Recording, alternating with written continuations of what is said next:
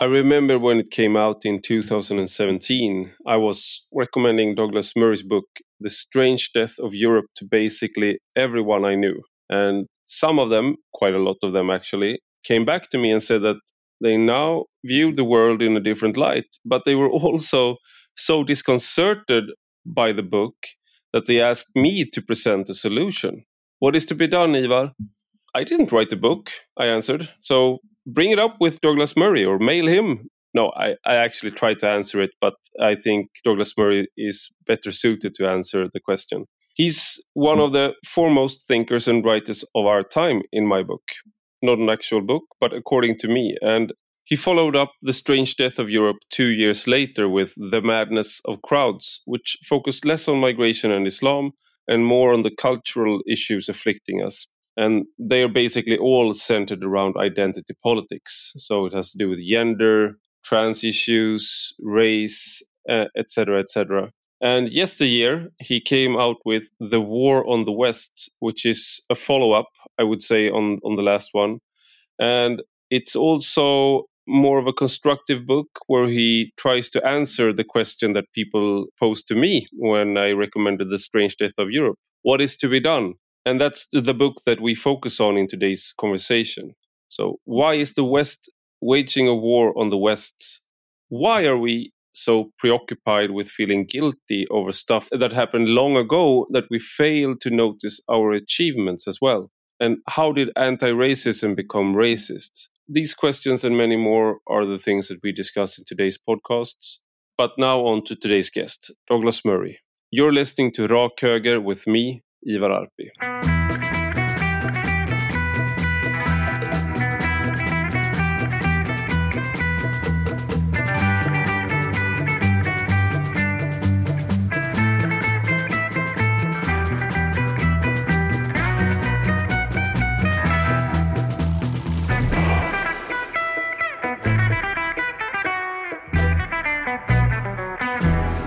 Welcome, Douglas Murray, to Rak Höger. Very good to be with you. It's an honor to have you on. And one of the reasons I've been very uh, keen on, on having you on is because I your books, your your three latest books, really are really, really uh, some books I recommend, as I said before in the in the monologue. And your latest book is called War on the West, and it came out a year ago. And it's uh, it really ties into the book you wrote before, which was Madness of crowds. It's sort of uh, it takes it a step further. So I would just like to begin with this, like the stupid journalist question, like what what is the war on the West, and why why did you choose choose that title? Well, in in a number of recent books, as you say, I've been sort of uh, groping towards uh, uh what's going on in our time. Uh, in the strange death of Europe, I addressed the question of immigration and integration in the West, in particular in Europe. And this is obviously a, a subject which uh, Swedes uh, uh know very well, challenges mm. around. And one of the things that I recognized that comes from mass migration and the great changing of a society is that the identity of society changes. It, it, it's you might dis, you might uh, uh, like the direction of change or you might dislike it, but it's it's pretty hard to argue against the simple proposition that if the people in the society change, the society changes. Um, hmm. One of the ways in which our societies have changed uh, has been that we, we've had to change our guiding ethos. And in um, my last but one book, The Madness of Crowds, I looked at one of the things that is the changing ethos, which is the way in which the sort of um, public religion of our time has become uh, to do with identity and what, what has become known as identity politics, uh, hmm. obsessions mm. with LGBTQIA plus issues, obsessions with uh, women and the place of women in society, an obsession with race. Uh, um, and uh, uh, other identity related issues. These have become the sort of the dominant uh, issue in our in our societies. But it, but it, I addressed that as I say in the madness of crowds. But there was an element of it that I had not addressed and which I wanted to address and did in, in my most recent book, in The War on the West, which is that in order for this to happen, you also, it appears, have to wage war on what we had in our societies. So to hmm. wage war on everything in our past, to effectively presume that everything that happened in the past was bad and must mm. be lambasted, criticized. Now, in America, where we're, and we're all downstream these days, like it or not, from American culture, in America, this focuses in particular on the idea that America has an original sin, which is the sin of slavery.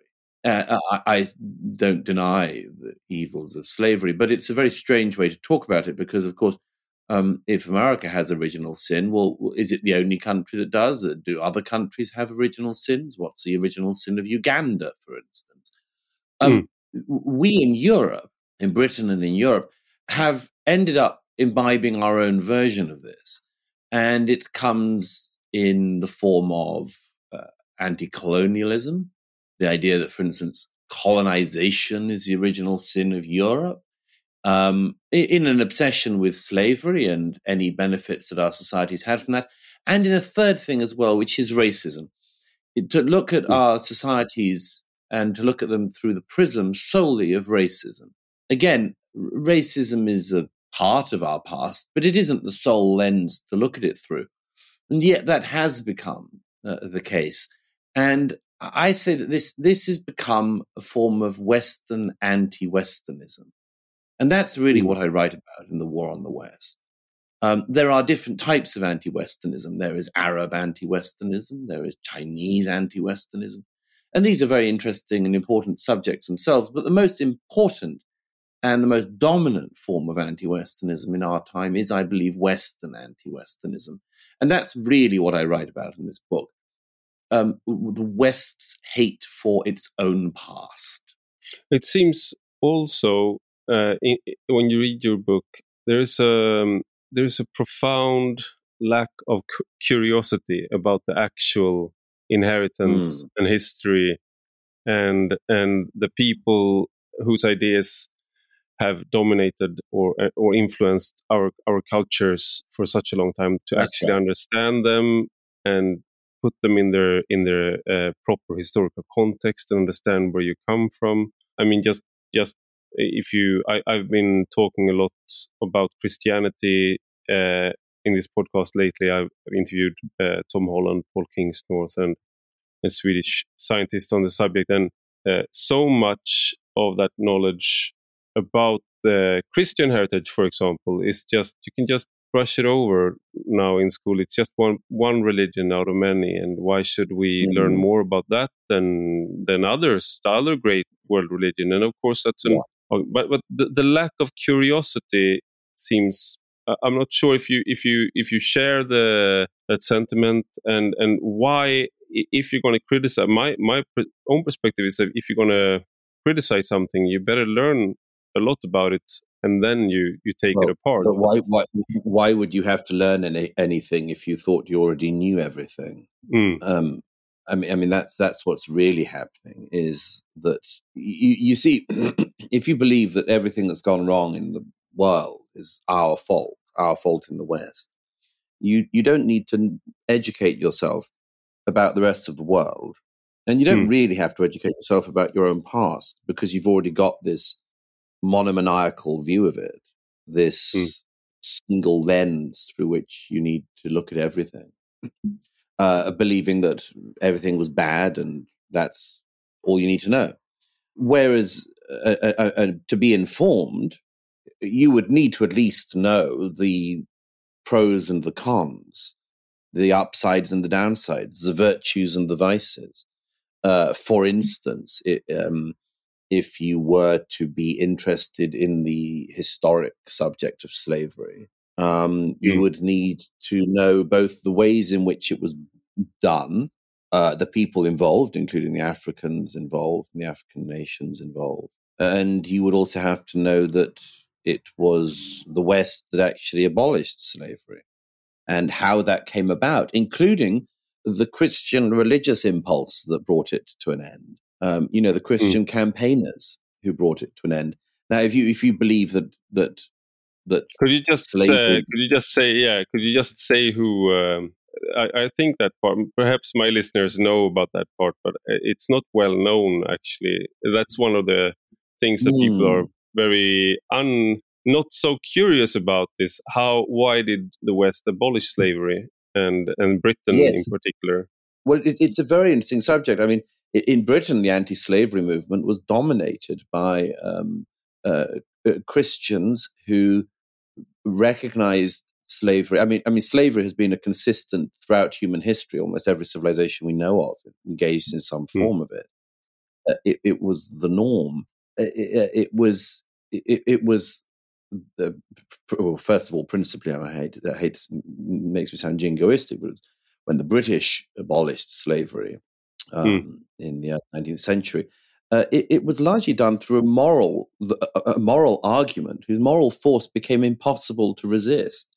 And the moral force came from a Christian idea of the sanctity of the individual, and that this sanctity applied to everyone, that everyone was equal in the eyes of God, um, mm. and that man did not have the right to enslave his fellow man.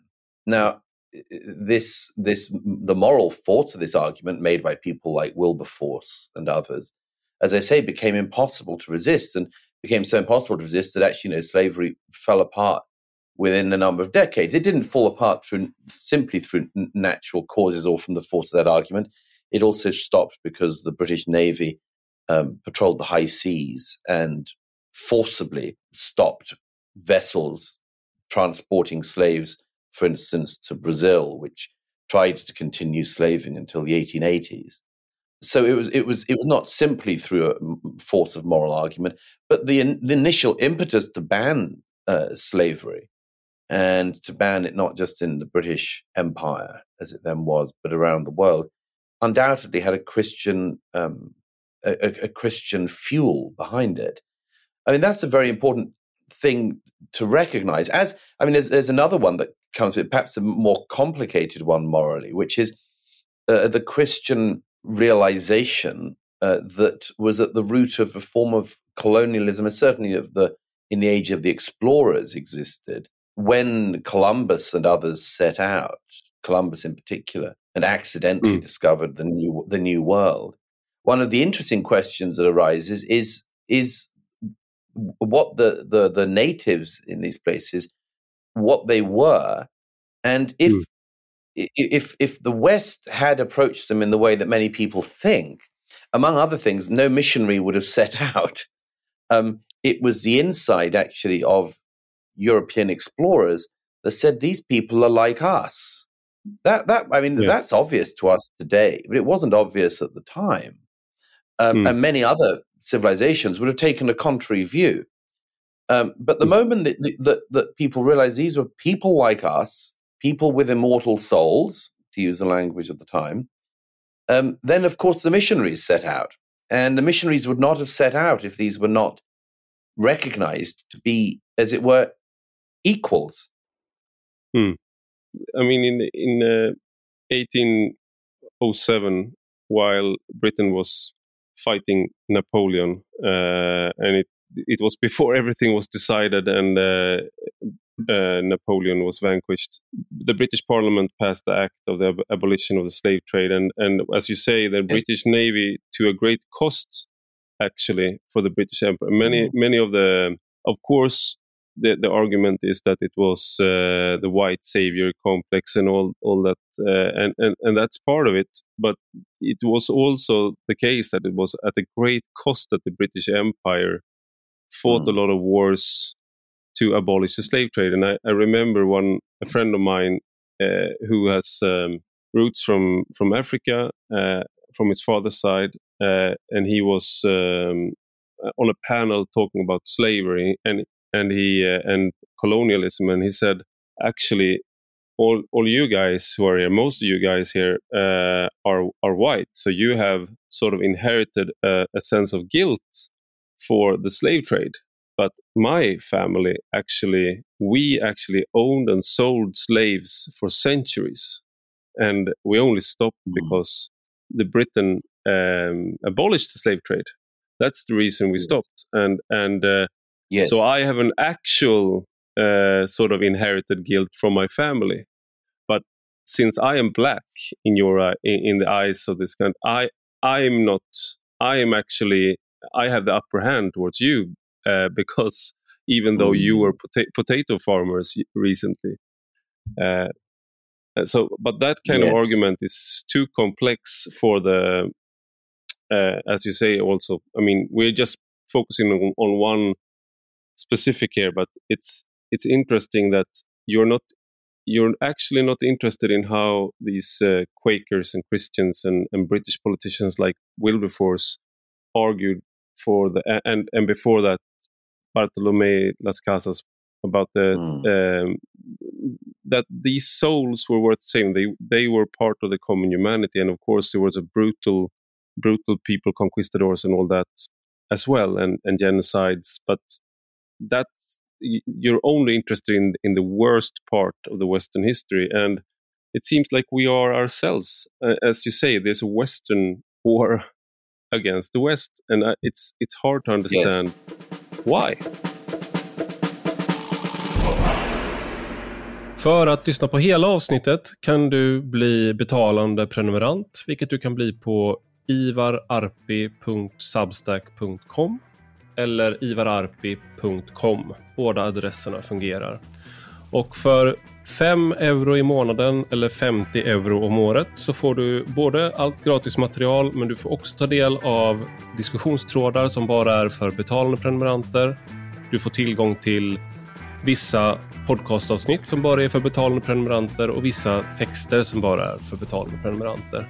Och jag har ingen reklam, jag har ingen tar inte emot några pengar från marknadsföring eller liknande, utan jag förlitar mig helt och hållet på er läsare och lyssnare. Så genom att bli betalande prenumerant så gör ni det möjligt för mig att fortsätta att vara en självständig röst.